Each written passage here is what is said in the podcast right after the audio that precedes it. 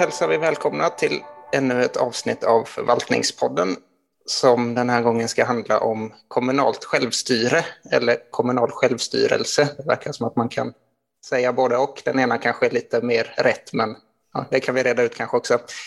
Med oss idag har vi faktiskt tre stycken som ingen har varit med i, podden innan. Två av våra egna professorer, David Karlsson och Stig Montin, och en gäst, Bo Per Larsson, som kan ju eh, passa på att nämna fick Förvaltningshögskolans pris förra året och dessutom ska tala på eh, Förvaltningshögskolans dag i höst. Jag tänkte vi kan väl börja med att ni får berätta lite om er själva och hur ni har intresserat er för, för det här ämnet. Om vi börjar med dig Bo Per, vem, vem är du egentligen? Ja, från början är jag en kommunal praktiker och eh, efter ett antal år i några olika kommuner så kom jag till Svenska kommunförbundet i slutet av 80-talet och jobbade där med olika frågor och eh, så småningom fick jag ansvar för eh, kansliets, förbundskansliets arbete med demokrati och självstyrelsefrågor. Så de har, det har jag jobbat med under många år och eh, nu är jag en frilansande pensionär som jobbar och skriver rapporter och skrev förra året på uppdrag av SKR en rapport just om självstyrelsens potential. Så det är en fråga som ligger mig varmt om hjärtat. Mm. Ja, du är hjärtligt välkommen hit. Eh, och David Karlsson, kan man säga att du är Sveriges främsta kommunforskare? Nej, det är ju Stig Montin som är det. Och, eh, men sen är vi ju flera som, som, som eh, bakom honom. Du, du är näst främst då kanske? Ja. Eh, vi rankar oss inte, eh, det tror jag inte, efter Stig.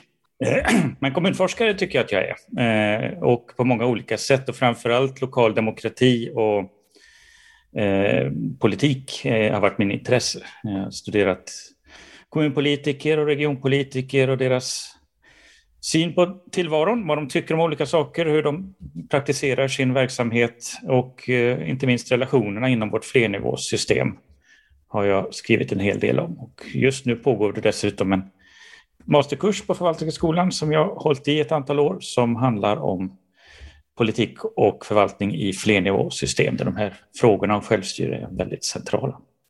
Och Stig, du är bäst, fick vi höra. Nej, det håller jag inte med om. Men däremot jag börjar bli den äldste aktive kommunforskaren. Eh, jag började intressera mig för kommunala frågor hösten 1981, tror jag det var. Det var när Örebro ville inrätta kommundelsnämnder, fanns ett förslag. Och det kommer jag börja följa då. Och sen på den vägen har det varit. Äldst är inte fy skam det heller. Eh, jag kan ju eh, presentera mig själv också. Det brukar jag alltid glömma i alla avsnitt. Men Henrik Sandgren heter jag och jag är kommunikatör på Förvaltningshögskolan. Men om vi börjar med att fråga vad, vad är egentligen kommunalt självstyre för någonting? Vem vill, vem vill börja i den? Vi är så artiga här, men jag tar väl och griper, griper ordet här då som, som gäst här. Får jag göra det?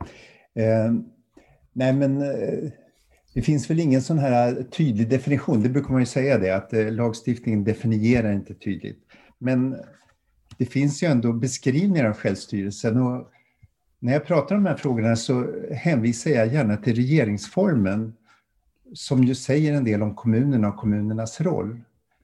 Och bakgrunden, den, den är ju väldigt tydlig att i det svenska samhället så spelar kommuner och region väldigt stor roll. De ansvarar för välfärd, för lokal och regional samhällsutveckling och, och har ett ansvar för att den lokala och regionala demokratin ska fungera och så vidare. Och, och går man till sådana här nyckeltal som andel av BNP eller andel av sysselsättningen eller hur stor del av den offentliga sektorn, då är det väldigt höga tal. Eh, det gäller ju i och för sig de nordiska länderna också, så att de nordiska länderna är, är ju lite speciella här, men, men det skiljer sig mycket från världen i stort. Och men går man till regeringsformen och ser vad, vad, vad säger den då? Och nu, jag menar, jag är ju inte forskare utan det här är en praktikers beskrivning av, av, av det hela. Va? Men först och främst så säger man i, i det här blir väldigt kort miniföreläsning, va? Så, så att ni behöver inte vara oroliga. Men Det här skulle man kunna prata länge om. Men, men eh, dels så står ju portalparagrafen fast att eh, folkstyrelsen, den svenska folkstyrelsen förverkligas genom dels då ett parlamentariskt statsskick och dels genom kommunal självstyrelse. Och det här säger ju att demokratin, det räcker inte med riksdagsval så att säga och att vi har en riksdag som representerar alla medborgare i landet och har det nationella perspektivet, utan det finns också regionala, lokala församlingar som, som spelar roll. Men det säger också, tycker jag, att den nationella nivån och den lokala nivån har ett gemensamt ansvar för demokratin och för den offentliga verksamheten eh, i stort. Va? Så att just det här samspelet är en viktig del av. Det är inte så att vi kan själva och vi sköter oss själva, utan självstyrelsen, ja, men det, det har sagts det att det är också en princip för samspel mellan nivåerna. Men sen eh, så eh, sägs det då eh, i det här kapitlet i regeringsformen som handlar om kommunerna att eh, det ska finnas kommuner och regioner, eh, att Sverige är indelat i kommuner och regioner och de ska sköta lokala och regionala angelägenheter av allmänt intresse. Och det ska man göra på eh, den kommunala självstyrelsens grund. Och det här är ju liksom att det är ett omfattande ansvar att man ska ha ett stort handlingsutrymme. Så handlingsutrymme är en viktig del och det ligger väl kanske i ordet självstyrelse. Men sen har man också beskattningsrätt, för det där handlingsutrymmet är ju inte så mycket värt om man inte heller har handlingskraft, förmåga att genomföra de beslut man, man fattar och så. Men sen krävs det också legitimitet och det här klargörs ju också när man säger att besluten i kommuner och regioner, de ska fattas av valda församlingar då, som utses vid allmänna val. Och det innebär ju att man har legitimitet, man har ett mandat från medborgarnas sida. Och man har ju genom att det här skrivs i, i regeringsformen och återfinns i lagstiftning och så vidare, så har man ju också ett mandat uppifrån. Så att säga. Man har ett mandat nerifrån från medborgarna, eller underifrån ska jag säga. Men man har också ett mandat från den nationella nivån. Så att tillsammans, det här med handlingsfrihet, eh, handlingskraft, legitimitet, samverkan mellan nivåerna. Eh, det är faktorer som jag tycker liksom ändå säger någonting om innebörden i kommunal självstyrelse. Stig, en viftar. ja, utmärkt beskrivning eller definition. Jag bara, bara spinna, spinna på det lite grann med regeringsformen. För det kom in ett särskilt kapitel i regeringsformen 2011 för, för kommunerna. Och eh, en sak som man stoppade in där då, det var den så kallade proportionalitetsprincipen. Som ju innebär då att när riksdagen under lagstiftningsprocessen så ska det göras en regelmässig prövning av de kommunala självstyrelsevärdena. Så det, det är liksom när när riksdagen ska fatta beslut om sådant som direkt eller indirekt berör kommunerna, alltså, då, då ska ju lagrådet eh, ha synpunkter på detta och då se till om kommunala självstyrelsevärdena omfattas och i så fall på, på vilket sätt det blir. Så på det sättet, det har inte tolkats som att den kommunala självstyrelsen har förstärkts. Men, men däremot tydliggjorts, alltså explicit gjorts på, på ett sätt som, som inte var lika tydligt eh, eh, tidigare. Så, och, och, det är ju, kan man säga, lite av en paradox. Samtidigt som detta, denna, den kommunala självstyrelsen som princip tydliggörs, så parallellt med det så växer det kritik emot den eller hot mot den. Och, och ja, det kanske vi kommer till senare. Och det Bo, Per och Stig nu har beskrivit då, det är ju hur konceptet självstyre på något vis är definierat och är implementerat i det svenska statsskicket. Alltså hur man har skrivit in det i statsskicket och, och brottas med på vilket sätt det ska ta sig uttryck här. Men blickar man ut över världen så ser man ju att det finns ju en ganska stor variation i hur den här sortens eh, ja, värden tolkas. Och det beror ju på att självstyre är ju, det är ju någon slags principiellt eller filosofiskt eh, värde, demokratiskt värde. Ehm, som egentligen, man får säga, det går ut på att vi, vi människor i våra samhällen, vi är territoriellt eller geografiskt organiserade på väldigt många olika sätt, alltså i länder och i regioner och i kommuner och så vidare. Och att det finns flernivåsystem där, där man som medborgare i ett land är med i flera olika typer av eh, sammanhang, olika typer av folk, ett lokalsamhälle, ett regionalt samhälle, ett nationellt samhälle, ett internationellt samarbete som EU till exempel och det fattas demokratiska beslut på alla nivåer. Så att någon idé om att, de här, att det pågår styre och demokratiska processer och att det finns autonomi och makt på var och en av de här nivåerna, det är ju i det sammanhanget som självstyre som fenomen då kommer in. Eh, och det kan ju vara, eftersom det finns många nivåer så uppkommer ju den här diskussionen om vilka nivåer är överordnade och har mer inflytande över de andra och hur stark är autonomin för respektive nivå. Så det är ju det här det lokala självstyret i Sverige ständigt definieras då i relation till staten och vad är, vad är, vilken, vilken makt har staten och vilk, hur stor autonomi och handlingsfrihet ges till kommunerna. Så det är en sån, och, och här ligger det dessutom två komponenter. Det ena är ju den rent praktiska decentraliserade förvaltningen, det vill säga att det ligger makt på olika nivåer och ansvar och det demokratiska, att det finns demokratiska processer och val och så vidare som, som återfyller, återföljs där. Så det finns ju både den här konkreta praktiska sidan och den demokratiska sidan.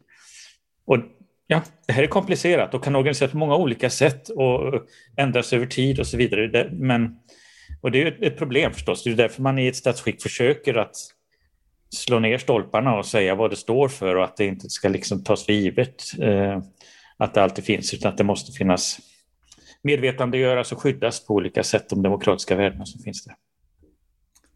Vi kommer väl att återkomma till problemen senare eh, när flera har varit inne på det. Ja, jag förlåt, Stig. lägga till en sak där apropå detta med, med, med, olika sätt. Man skulle ju kunna tänka sig en ordning där det listades exakt liksom vad kommunerna får göra.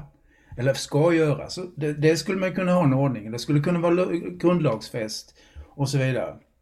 Och på sina håll är det ju det, mer eller mindre. Men inte i Sverige. Vad som har getts utrymme i Sverige, det är ett stort politiskt handlingsutrymme. Alltså riksdagen har ett stort handlingsutrymme och formar den kommunala självstyrelsen i samspel med kommunerna och eh, SKR då i, i praktiken. Så det, det, blir en, som Urban Strandberg tror jag har använt uttrycket, en förhandlad ordning. Men det är just den här dy dynamiken som, som gör det hela möjligt att, att ändra saker och ting allt eftersom ja, problem och utmaningar dyker upp. Jag tänker det, man kanske kan backa bandet lite och fråga hur det har kommit sig, historiken kring eh, i Sverige då, eh, varför vi har så pass mycket självstyre som vi verkar ha. Eh, till exempel var i, du och jag Stig bland annat var ju med kolv i England och fick reda på att alla problem de har genom att de inte har beskattningsrätt i kommunerna till exempel. Och det, det verkar vara många som är avundsjuka på svenska systemet. Samtidigt så kan man tänka att Sverige är ett litet land så det borde ju vara lättare att ha det centraliserat då, men hur kommer det sig att, vi, att det ser ut som det gör hos oss? Jag fortsätter att hugga lite grann här. Stig har ju tittat väldigt mycket på de här frågorna så att eh, det, ja, jag, jag, börjar lite. Nej, men, då vill jag gå väldigt långt tillbaka i tiden för att eh, det, det finns ju i Sverige en, och det gör det väl kanske på många, många håll i och för sig, men, men om vi tittar på Sverige då, en, en en lång tradition av att människor på sockennivå, på häradsnivå eh, hade ett inflytande. Och det där inflytandet från början, och då går vi tillbaka till och med till medeltiden och så, men, men eh, det här inflytandet, det, det hade väl att göra med kyrkliga frågor framför allt då, kring socknen. Och, och, det finns ju en del ganska intressanta sär, speciell, säregenheter, om vi säger så, i Sverige. Nämligen att, att allmogen hade ett inflytande över vem som var präst. Vem som skulle utses till präst. Alltså det, det är ju eh, någonting som definitivt inte var gängs i den katolska kyrkan och, och inte heller i den protestantiska efter reformationen och så vidare. Men, men det inflytandet fanns väldigt tidigt. Och det eh, hörde för inte så länge sedan beskrivning av kyrkans egendomar. Då. Man hade en kista där man hade egendomarna. Och till den kistan fanns det tre nycklar och en nyckel hade då förstås prästen och sen hade då kyrkvärjarna, alltså det som så småningom blev kyrkvärdar och som idag kanske har en helt annan funktion och så vidare. Men det var ett eh, hedersamt uppdrag på den tiden. De hade nycklar till den här kistan med, med kyrkans tillgångar och så. Men, och, det, och det här kan ju vara, eh, uppfattas som lite kuriosa, men, men Sverige var ju ett bondesamhälle. 95 procent bodde på landsbygden under väldigt lång tid. Ganska glest eh, befolkat. Det fanns ju byar, men, men på många håll var det ensamgårdar och så vidare. Och i, det här land, i, I det här landskapet så att säga så fanns det ju ett behov av att lösa frågor gemensamt.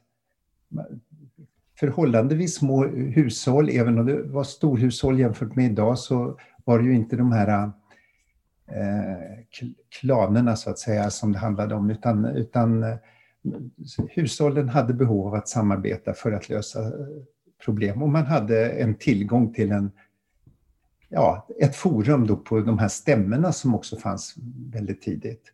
Det deltog folk från allmogen i rättskipningen i de här häradsrätterna som, som fanns och så. Och vilket ju också var väldigt speciellt att, att i ståndsriksdagen så var bönderna ett eget stånd och var med och förhandlade om lösningar. Och det finns ju historiker som, som säger att ja, men här har vi en orsak till att eh, vi inte hade så många bonduppror i Sverige efter Dackefejden. Att, att man hade ändå någon kanal till makten. Man kunde så att säga få rätt på, på olika områden. Och det fanns någon sorts interaktion och det, det är en del forskare som har tonat på det. Det finns andra eh, bilder som historiker har också. Men jag ville bara, jag ska inte utveckla det här eller eh, gå närmare in på det, men att det finns en lång tradition av dels att man tog ett ansvar för sitt lokalsamhälle då. Där är framförallt på den lokala nivån det finns den här traditionen som går tillbaka innan vi fick kommuner. Och, och att det också finns en tradition av någon sorts interaktion med centralmakten. Inte så att man var jämbördig på det allra minsta sätt.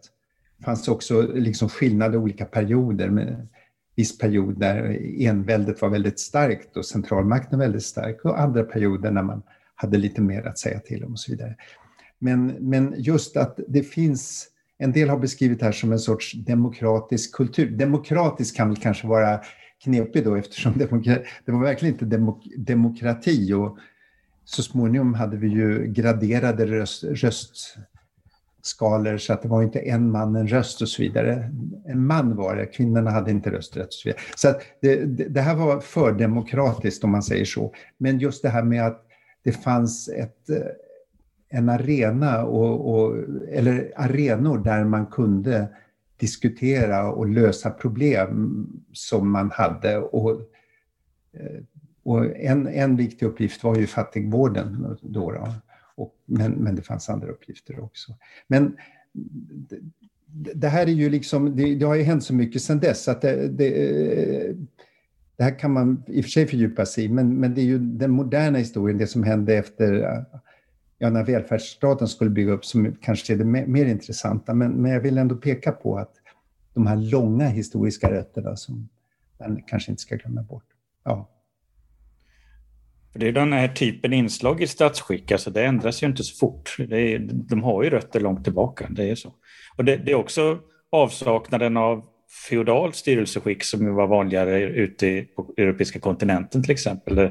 Även om inte statsmakten var stark så fanns det lokalt starka styren med hierarkier och eliter som styrde på ett annat sätt som Sverige, de andra, i alla fall Norge och Finland inte hade heller. Så det, det är inte en slump att vi länderna i Norden är ganska lika varandra på den här punkten och att det är något som sen lever kvar. Sen är det också farligt att bygga myter tillbaka och liksom se det här som någon slags nordisk rättrådighet som fortsatt finns kvar. Men att, att, det, att det är institutioner som sitter i väggarna sedan århundraden tillbaka i, i de här sammanhangen, det är klart att det är så. Det är intressant, det går ju såklart att säga väldigt mycket mer om, om historia också, men då har vi kanske en liten, fått i alla fall en liten förklaring till varför Sverige eh, kan skilja sig. Men det, det verkar... Henrik, fast Henrik det, det Bo Per var inne på är ju att, att det, det, som verkligen skiljer Sverige och de nordiska länderna idag från de flesta andra länder, det är ju det som kom vad vet jag, från 30-40-talet och framåt, alltså med utvecklingen av, av välfärdsstaterna. Ja, eh, folkhemmet då. Folkhemmet och den, liksom den decentraliserade välfärdsstaten med både det här stora ambitiösa projektet om att det offentliga ska vara stort, det ska vara generöst, höga skatter som ska bidra med eh, välfärdstjänster av hög kvalitet och att det ska organiseras och genomföras lokalt och regionalt. Alltså det, var, det är den idén som har gjort att den nordiska modellen sticker ut i jämförelse med de allra flesta länder i världen. Och som gör att det är inte bara, alltså självstyre är dessutom så att man kan fundera över vad, vad är mycket och lite självstyre. Men en, en viktig komponent är ju inte bara hur mycket staten styr utan hur mycket verksamheter man basar över. Och det är det som svenska kommuner eh, sticker ut i, att de har så många verksamheter som de ansvarar över och kan, kan fördela, eh, fatta politiska beslut i, som berör många olika politikområden samtidigt. Och det är något som har växt fram ur den här nordiska välfärdsstatsmodellen. Eller hur Stig? ja, jo precis. Jag satt och tänkte på, jag skulle komma på en referens här, men jag vill minnas att jag läste en, eh, en bok om kommunal historia för, för några år sedan. Där det påpekades också att det var ju inte självklart då att kommunerna skulle bli bärare eller skulle bli dessa lokala välfärdsinstitutioner. Utan det skulle ju kunna vara staten som på lokal nivå skulle vara välfärdsinstitutioner. Alltså det var en liten avvägning. Det fanns väl röster då tidigt innan välfärdsstatsbygget verkligen började. Så så att nej men vi kan nog inte lita på de där kommungubbarna. Det är nog ingen idé, det är nog inget bra att lägga massa ansvar på dem. Men hur det var så lyckades det formas en idé, en berättelse, om man ska uttrycka det så. Som att ja, men här fanns nog förutsättningar ändå. Men vi måste skapa den här interaktionen då mellan stat och kommun. Och där kom ju partierna sen att, att det var väldigt starka liksom, länkar eh, till detta och som integrerade eh, kommun, kommunpolitiken. Och, och, under den långa, långvariga socialdemokratiska eran så var ju denna koppling stark ju mellan, mellan socialdemokratiskt styrda kommuner och, och, och eh, regeringen i välfärdsbygget. Det var så att säga enklare då än vad det, vad det blev sen. Men, men det var inte självklart från början, tänker jag, att det, att det skulle vara den här kommunala självstyrelsen i, i, i, i den omfattningen, alltså det, det stora om, ansvarsområde som, som, som kommunerna sen, sen fick. Men sen har det ju förstärkts allt mer och mer. Man brukar ju säga ibland att eh, den legendariske socialministern då, Gustav Möller, att han litade inte på de borgerligt sinnade ämbetsmännen i de statliga myndigheterna och att det var Visserligen var det mycket borgerligt styrda kommuner och konservativa godsägare och så vidare, bönder som fanns lite här och var som han kanske inte heller litade så mycket på, men, men ändå det var bättre med den här demokratiska förankringen. Och det fanns naturligtvis det här som Stig säger också, en, en ambition att, att eh, från hans sida och från socialdemokratin att, att eh, styra lokalt utifrån att det fanns demokratiska val. Då, som man... Men var det, var det inte Möller som sa det att i den här frågan så har jag partiet bakom mig? Långt, långt bakom. Jaha, och, ja det har jag. Men, men det är ju lite intressant tycker jag för att eh, ett, ett av argumenten för att ha det här lokala är ju att besluten kommer närmare medborgarna och, eh, och lite, det är egentligen en ganska liberal tanke kanske att de som är ja, jag vet bäst vad som är bra för mig, ingen långt bort ska bestämma. Det är väl liknande fast den uppskalat då kanske. Men det går väl lite emot hela folkhemstanken och att det ska vara den socialistiska lika för alla. Om man tar till exempel skolan, ska den förstatligas eller inte? Eller ska den ligga under kommunerna? Blir inte det lite... Är det bara jag som ser någon, någon liten spänning däremellan? Ja, jag tror det är mer komplicerat än så. Alltså, det är klart, en, en spänning ligger ju i det under det här. Det är en paradox i att Socialdemokraterna som styrde under så lång tid och som etablerade det här systemet med det decentraliserade välfärdsstaten samtidigt betonade jämlikhet och likvärdighet i, i, i hela välfärdsstaten. Så medan de borgerliga partierna under, under de här åren då slogs för, eller stod för stärkt självstyre på många olika sätt och tyckte att eh, staten och Socialdemokraterna styrde kommunerna för hårt.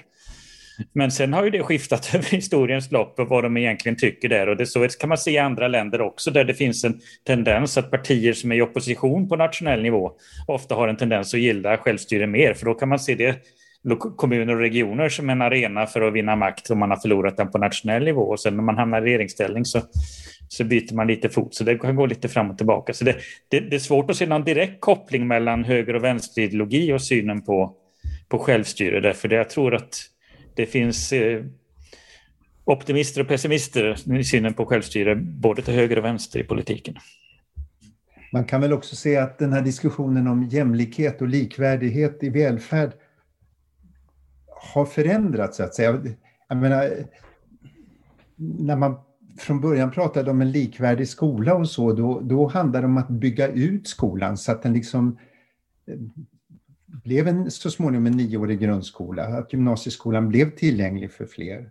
Att, eh, att förskolan byggdes ut så att många skulle få tillgång till den. Och att det sen naturligtvis skulle ha kvalitet och man pratade om det kompensatoriska uppdraget. Det, det fanns ju med tidigt och så vidare. Men, men men jämlikhet i ett första skede, det handlade väldigt mycket om att välfärden skulle byggas ut så att den var tillgänglig för fler. Kanske inte just det här med att, eh, som vi betonar mer idag då, att, att eh, man ska uppnå likvärdiga resultat och likvärdig kvalitet och den, den typen av saker. Vi kanske återkommer till just den diskussionen. nu har vi glidit över lite till det här med problem problem med självstyret. Det, det uppenbara är väl det just likvärdighetsproblemet, tänker jag, att det blir eh, att det riskerar att bli olika välfärd för olika medborgare, eller? Finns det andra problem som är större? Ja, jag vill bara skjuta in det där att det är ju väldigt uppmärksammat nu. Likvärdighetsproblemen. Men ibland funderar jag över, ja, problemet är inte nytt. Alltså den nationell likvärdighet och, och kommunal självstyrelse, det har ju alltid varit en balansgång. Och, och har, tyngdpunkten har lagt på den ena sidan under en viss period och den andra sidan under en annan period. Det är den här liksom, politiska dynamiken som finns, som, som formar eller bäddar in den kommunala, kommunala självstyrelsen. Och bland annat för nu när det är så väldigt uppmärksammat, dels handlar det om pandemin, det kommer vi också in på senare, men, men jag tänker ändå, är det så att variationerna är så mycket större idag än de var till exempel för 20 år sedan? Ja, ni kanske har eh, referenser, men jag, jag har inte letat så förtvivlat heller, men, men jag tänker ändå Finns det några studier som visar att variationerna är större idag än de var tidigare? Jag, jag minns när jag, jag letade efter sådana saker i slutet på 90-talet. Då fanns, hittade jag ett par studier som, då var det också en diskussion om detta med, med, med att vi borde, ja, så att säga, kampen, idékampen mellan kommunal självstyrelse och nationell likvärdighet var ju aktuell då också. Men då hittade jag en studie som då, det var inom socialtjänsten den rörde sig, som visar då att nej men det var inte så stora variationer. Så, som mm. debatten gav uttryck för. Jag vet inte mm. hur, hur, man ska se på det idag. Mm. Nej, men jag håller med. Alltså, det, det, har väl inte gjort så mycket och, och det fanns väl kanske inte all, alla gånger så mycket eh, material att tillgå. Det var ju mycket hur mycket resurser man satsade. Det var väldigt mycket det man hade att bygga på och så vidare. Magnusson Stjernqvist gjorde ju någonting här på, det var på 80-talet redan och, och sen eh, nu kommer jag inte ihåg vad den hette, den här utredningen som jag tror du refererar till, som tittade på socialtjänsten och... och jag minns inte heller. Nej, men, men det har gjorts lite och, mm. och, och, och, lite så. Det som vi har börjat göra mer systematiskt inom fler områden under 2000-talet och det är väl möjligen en en konsekvens av NPM och det, men kanske också en vilja att komma bort från att titta på hur mycket man lägger in i en verksamhet och att mer titta på vad, vad, vilket utbyte det ger berörda medborgare och så. Men, men vi fick ju då öppna jämförelser, vi fick eh, olika mätningar som avsåg att titta på kvalitet och resultat. Och det här är ju ett arbete som, som fortsätter. Nu såg jag att den här välfärdskommissionen som som regeringen tillsatt där, där både olika statsråd och, och fackorganisationer och SKR finns med och, och, så vidare. Att man ska jobba med nyckeltal för kvalitet och då tänker man, jaha, igen så att säga. Men, men i alla fall, det är väl en del typer av skillnader som inte var så synliga tidigare har blivit synliga. Men, men frågan är, precis som du tar upp Stig, var det stora skillnader tidigare?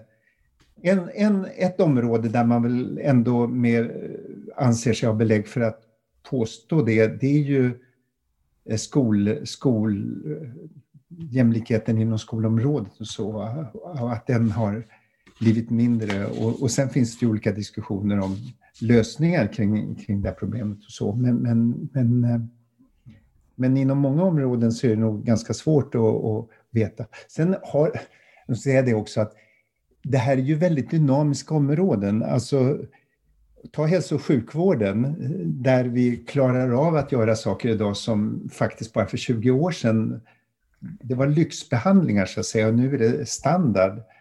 Eh, och, och, även inom andra verksamheter så sker ju någon sorts eh, utveckling också. Och, eh, det är ju inte alltid säkert att den här utvecklingen går i lika takt i varje enskilt landsting eller, eller region då och, och kommun, va? utan att eh, eh, man förbättrar sig lite i lite olika takt.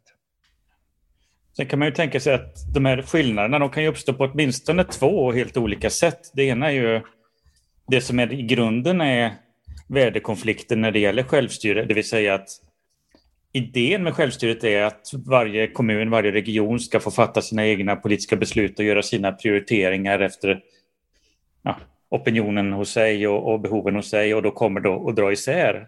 Och det är liksom hela poängen med självstyret att den sortens variation ska få finnas då i någon utsträckning.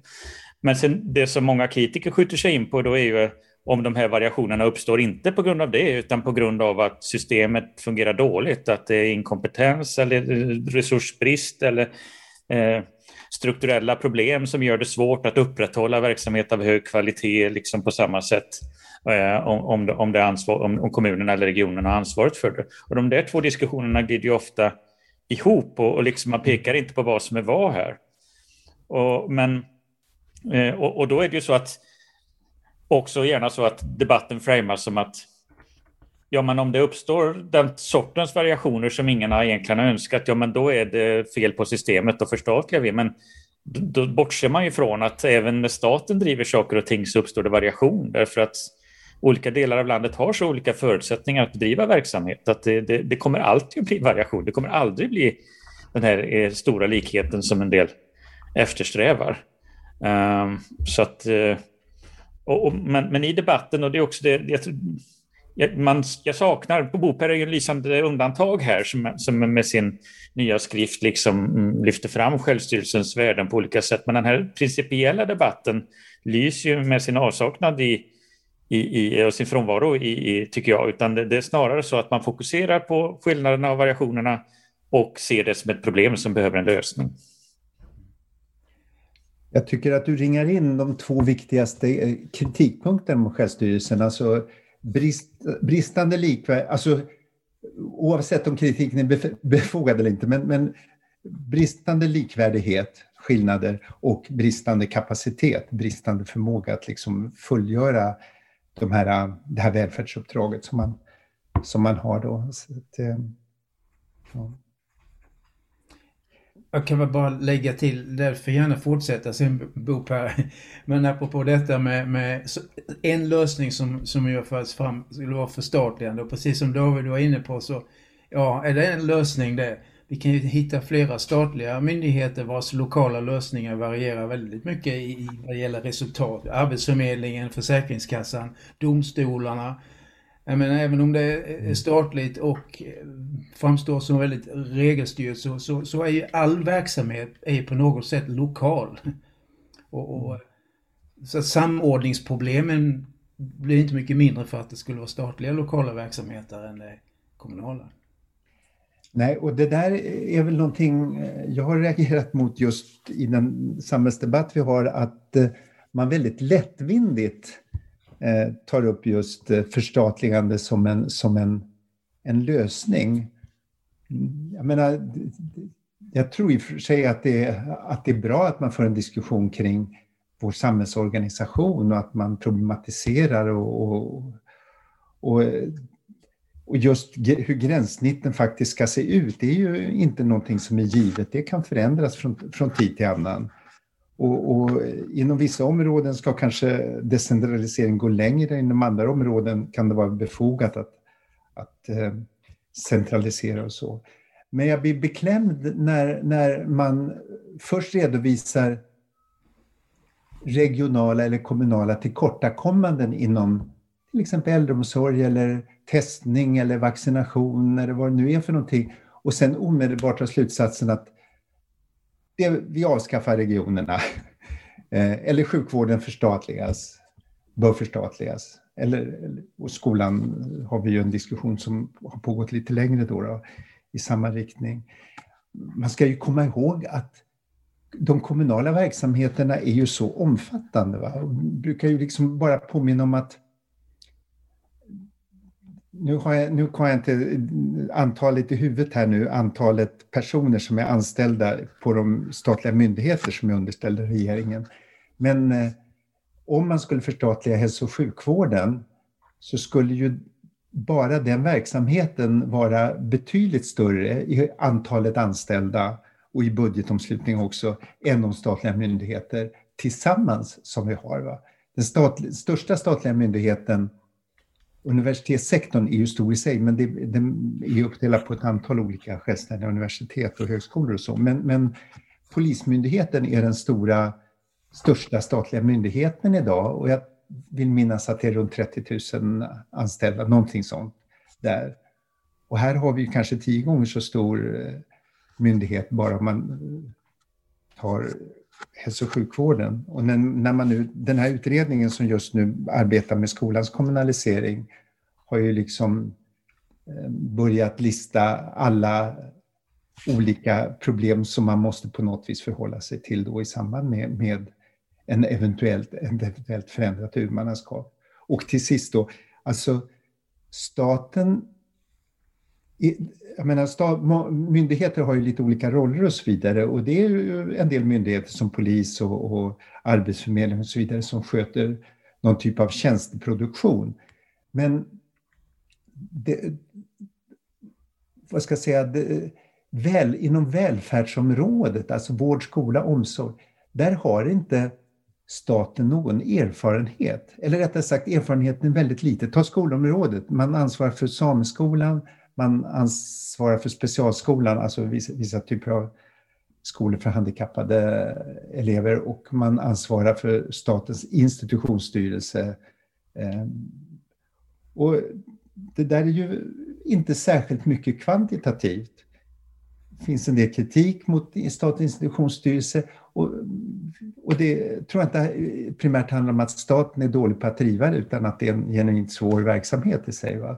Så, och, det, och det gäller väl kritik mot polis och, och Försäkringskassan att alla verksamheter har sin problematik som man måste lösa på något sätt. Men, men som sagt, det finns en tilltro till att plötsligt blir allting mera likvärdigt och kvaliteten ökar och så vidare.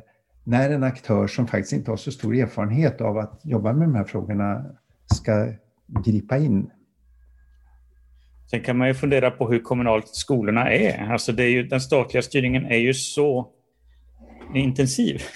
Alltså, vad, vad, är egentligen kommunernas handlingsfrihet när det gäller att styra över de egna skolorna? Alltså, det är ju kringskolan på så många olika sätt. Friskolorna är en del, men också rektors starka ställning och allt det här. Så att, att, att vad man förväntar sig, liksom, vilken sorts styrning det är från, från en statlig myndighets sida som skulle, skulle på något vis förändra skolverksamheten på ett sätt som, som de inte redan har möjlighet att göra idag är också svårt att se.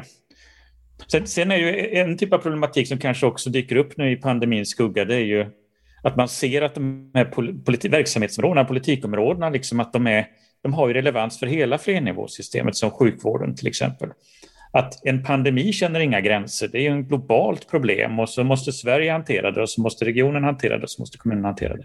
Och det är klart, då behövs det system för det. Men att det finns den typen av frågor som verksamheter måste hantera det borde kanske inte leda till slutsatsen att då får vi avskaffa alla de här nivåerna och hantera all verksamhet på en nivå samtidigt så det inte uppstår variationer. För då kastar man ju ut barnet med badvattnet på något sätt. Att, att så mycket av verksamhetens, grundverksamhetens behov och demokratiska värden som gäller att fatta beslut om till exempel sjukvårdens organisering och lokalisering och så vidare, prioriteringar lokalt, skulle handla om hur vaccin, vaccinering i en pandemi vid ett visst tillfälle i historien eh, sköts eh, på olika sätt. Så det, det, det, är lätt att man liksom ser problem av den, den, typen och ser att lösningen är en gigantisk förvaltningsreform. Eh, när det kanske mer att ratta, skruva och ratta lite på systemet skulle räcka långt. Jag tror att folk ofta, det här är min, min lekmannatolkning bara efter att ha pratat med människor, men att folk ofta tänker att eh, ett förstatligande skulle göra att det blir eh, någon form av, åter, kanske framförallt på landsbygden, någon form av återgång till att då hade vi samma service som alla andra.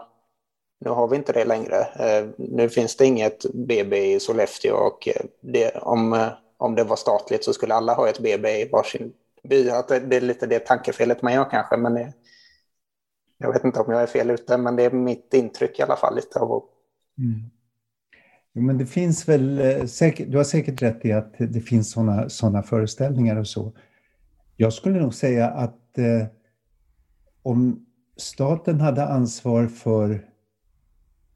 Om vi hade kvar, haft kvar samma regelstyrning av skolan som fanns på 80-talet. Nu är det väl ingen som förespråkar en återgång till den med delningstal. Jag jobbade med, inom eh, kommunal skolverksamhet på 80-talet i och för sig, så att jag liksom kom, kommer, ja, minnet försvinner, men, men, man kommer ihåg liksom hur systemen fungerar och så vidare. Men jag menar, med de regelsystem som fanns så skulle ju vi ha betydligt färre skolor idag och då kan ju någon säga det att eh, ja, men det kanske är bra då, för att då hade vi inte så många små byskolor som har svårt att rekrytera lärare och så vidare.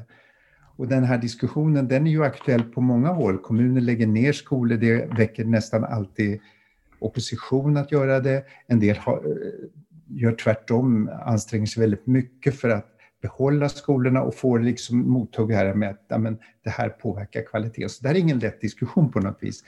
Men, men just att man ändå lokalt gör den här avvägningen och försöker hitta någonting som, som fungerar lokalt, som har legitimitet hos medborgarna och så vidare. Men det, det, det tror jag är ett bra, bra sätt att sköta frågan på. Men, men vi skulle, jag är övertygad om att vi skulle ha haft betydligt färre eh, bygdeskolor i Sverige om staten hade haft, vad ska jag säga, haft eh, sätt att, att styra organisationen på det sätt som man hade på, på 80-talet. och så vidare. Det där är ju kontra... Ja, men liksom, det går inte att, att, säga hur det skulle ha, skulle ha varit och så naturligtvis. Och, och så. Men, men, men, men, men, det är liksom en, ändå en hypotes. Då, det, på, jag minns på måste vara 70-80-talet när, när det var skolstrider i en del små platser blev eh, väldigt kända då. Eh, Inom liksom den progressiva rörelsen här, man uttryckte sin solidaritet för att man skulle behålla sin byskola. Och det var liksom några kämpar på en del platser som, som försökte att få, få behålla sig. Nu har vi de här skoldiskussionerna överallt därför att den här frågan är inte reglerad utan den är föremål för ett offentligt samtal och, och det tror jag ändå är en rimlig ordning. Ja, precis. Det tror jag också. Eh, jag tänker att eh,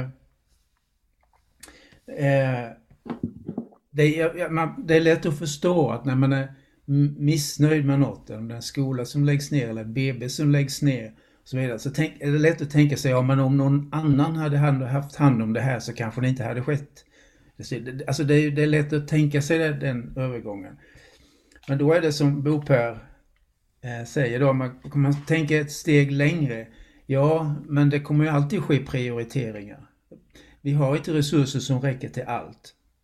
Folk flyttar och, det sker förändringar som gör att det kanske behöver centraliseras och den teknologiska utvecklingen gör, gör sitt också. Och, ja, mer av centralisering och, och, att det inte finns underlag för en viss skola. Och då tänker man att ja, men då är det väl bättre att, att de prioriteringsbesluten fattas så nära medborgarna som möjligt än i Stockholm.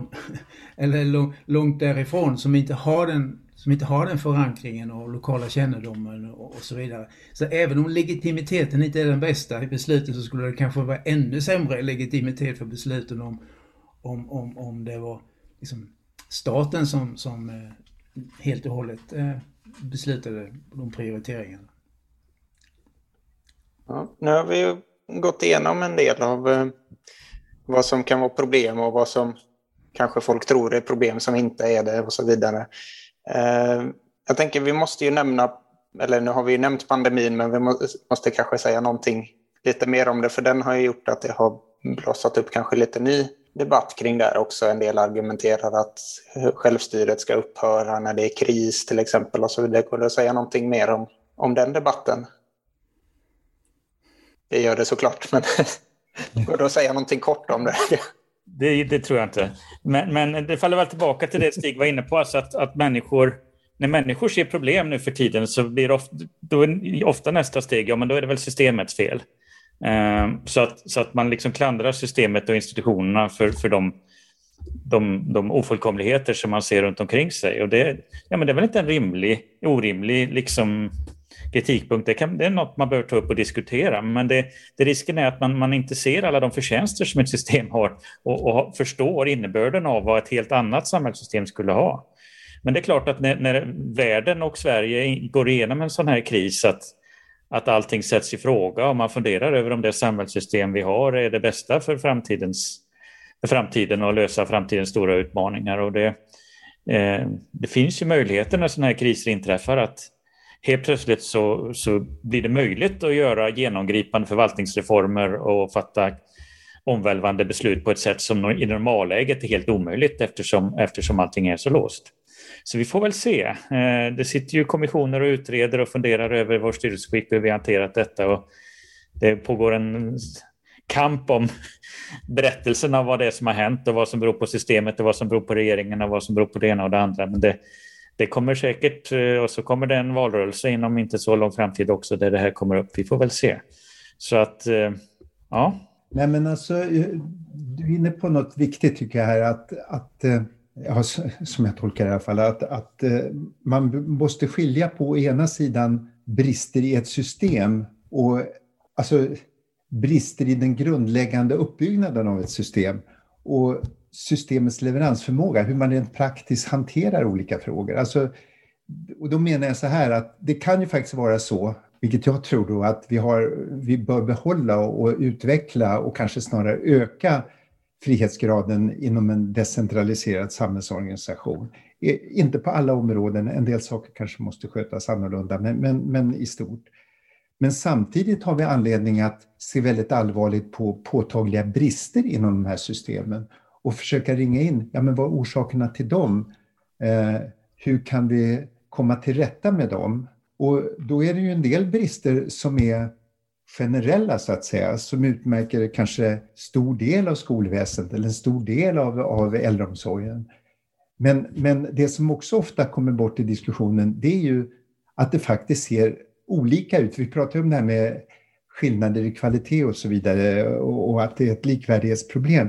Men vi kommer ju inte ifrån heller att välfärds, välfärdstjänster i ytterst handlar det ju ofta om ett möte så att säga mellan en eller flera medarbetare och en medborgare som har behov av, av hälso och sjukvård eller utbildning eller vad det nu är för någonting. Och då handlar det om kapacitet i systemet men det handlar också om kompetens hos de här medarbetarna. Och det handlar om kompetens och kapacitet hos deras chefer och deras politiska ledningar om att rigga verksamheten på ett bra sätt, skapa bra förutsättningar för det här mötet. Men i och med att det är så otroligt många individuella möten så att säga som sker på så många olika platser kring så många olika typer av behov och så vidare så kommer det alltid att uppstå skillnader, kvalitetsskillnader. Och ibland kan det handla om att det här, en del personer har svårare problem att hantera än andra. Ibland kan det handla om skillnader i professionell kompetens. Det kommer ju alltid att finnas den typen av, av skillnader. Den finns ju i alla, alla sammanhang. Det är ju liksom mänskligt och så. Men, men, men det måste ju alltid finnas en förmåga att utveckla en verksamhet och att komma till rätta med, med sånt som är generella problem. Och jag har ju pläderat för det här att, att jag, menar, jag tycker att staten inte ska styra så mycket i detalj som man gör, men samtidigt eh, så har man ett... Jag tycker att det är berättigat att den som ger ett uppdrag, för mycket av välfärden är ju uppdrag i form av lagstiftning, att den också har rätt att granska, får man ut det man förväntar sig, uppfylls målen, utförs eh, verksamheten på ett bra sätt. Och att den granskningen inte bara blir en rapport som levereras till regeringen och, och, och till eh, intresserade personer så att säga, utan att det faktiskt också ligger till grund både som återkoppling till de man granskar, men också om man ser mer systematiska brister, att man också systematiskt försöker ta itu med de här bristerna. Och om det är enskilda verksamheter som har, som har uppenbara problem med att komma till rätta med det hela, att staten tar ansvar för någon typ av, jag kallar det för krisstöd. Det kan handla om ekonomi, men det kan också handla om verksamheter. Och det finns exempel på den typen av verksamheter eh, som myndigheter ansvarar för. Nu håller ju dessutom ligger det förslag om att inrätta en kommundelegation då, där fokus ligger på, på ekonomi och styrning. Eh, så, men, men, eh, just det här med att inte bara eh, rikta in sig på systemet utan att faktiskt rikta in sig på hur verksamheten kan leverera och se vilka möjligheter man har att förbättra verksamheten. Och att ta ett gemensamt ansvar för det här mellan samhällsnivåerna. Ytterst är det ju kommunen, regionen som ansvarar för, att, för sin verksamhet. Men det kan också behöva en behövas en dialog och staten har ju det här, den här nationella överblicken och kan ur det perspektivet då ta initiativ. Men jag, oj, nu pratar jag för länge. Ja, men jag måste säga det här också att eh, det sägs ju, Coronakommissionen pratade om att regeringen styr ju riket. Och, där, och en del har ju tolkat det här med att, eh, och det är ju riktigt, det står ju i regeringsformen. Och en del har tolkat det här som att ja, då måste vi in och detaljstyra mera så att eh, vi, vi tar vårt ansvar. Men jag tror liksom att eh, det här med att styra riket i förhållande till de verksamheter som sköts av kommuner och regioner snarast handlar om att ta initiativ, att eh, signalera att det här måste vi ta ett gemensamt ansvar för att komma till rätta med. Att det är en bättre hållning. Va? För det är en otrolig tillgång att det finns runt om i Sverige kommuner, enskilda människor som är anställda i kommuner och medborgare som har, liksom, tar ett ansvar för sitt lokalsamhälle och för välfärden och för, för att komma till rätta med det som man vill ska förbättras och så vidare. Och då får man inte tappa bort den tillgången genom att någon långt därifrån styr upp det hela allt för mycket. Ja, Ursäkta ja. du, du är här för att prata Bo Per, det är bara bra. Eh, men du har också helt rätt i att vi börjar bli dags att, att runda av. Men jag tänker en, en fråga som vi ja, kanske har, har touchat vid lite, men om, om vi nu inte ska se det som ett systemfel utan att det är lite problem som kan uppstå naturligt av olika skäl vad kan kommunerna själva och staten också har vi varit inne på, men framförallt vad kan kommunerna själva göra för att underlätta det här problemet? Ska man ha mer samarbeten mellan kommuner eller hur ser framtiden ut? Hur skulle ni önska att den ser ut? Ja, vem ska, vem ska börja prata? Så Börja du Stig. Ja, ja, ja, nej, ja, alltså det är ju jätte, jättesvår fråga. Alltså, vore det så att vi hade en mer vital kommunal demokrati Eh, med aktiva medborgare som tar reda på saker och både vilka politikerna är, vad de står för och alltså som en form av medborgargranskning. Så nu har ju den ersatts, eller ja, den har kanske aldrig riktigt funnits heller, det aktiva medborgarskapet. Men i alla fall så har det kommit in, apropå det du tar upp Bo Per, granskandet, tillsyn och centrum som har ju expanderat väldigt kraftigt. Och då får man ju veta resultat. Man får veta skillnaden mellan kommunerna. Och för kommunerna är det bra om man kan jämföra sig med varandra. Men det får ju också en, en annan effekt av det hela, nämligen det uppmärksammas saker och ting mer än vad det skulle gjort annars. Så det uppmärksammas. Om man tittar nu, vi kan läsa i media, nu, nu, nu har den kommunen klättrat så, nu har den kommunen rasat så mycket och så vidare. Ofta så är det kanske inte så allvarliga saker men det uppmärksammas, det pekas ut. Här finns några som är duktiga och några som är sämre och så vidare. Så det blir en berättelse om, om, om fel och brister på något sätt som överskuggar det hela och att det är det som vi som medborgare i en kommun tittar på då. Istället för att vara aktiva och medverka i vårt eget granskande. Vi uppmärksammar saker och ting när de blir fel och gärna när någon annan talat om att det är fel. Ja, jag raljerar lite grann men alltså det, det kan bli för mycket av granskande också. Ja. Samtidigt tycker man kan tänka sig om man lyfter blicken från, från, från den här diskussionen om det svenska självstyrets framtid så är ju världen på väg åt, åt ett håll som vi inte trodde för eh, inte så länge sedan. Det vill säga att jag skulle säga på 90-talet och början av 2000-talet så sa de flesta att ja, men i västerlandet har nu den liberala demokratin fått ett fotfäste. Eh, den, den har liksom vunnit kampen om hur samhället kommer att organiseras.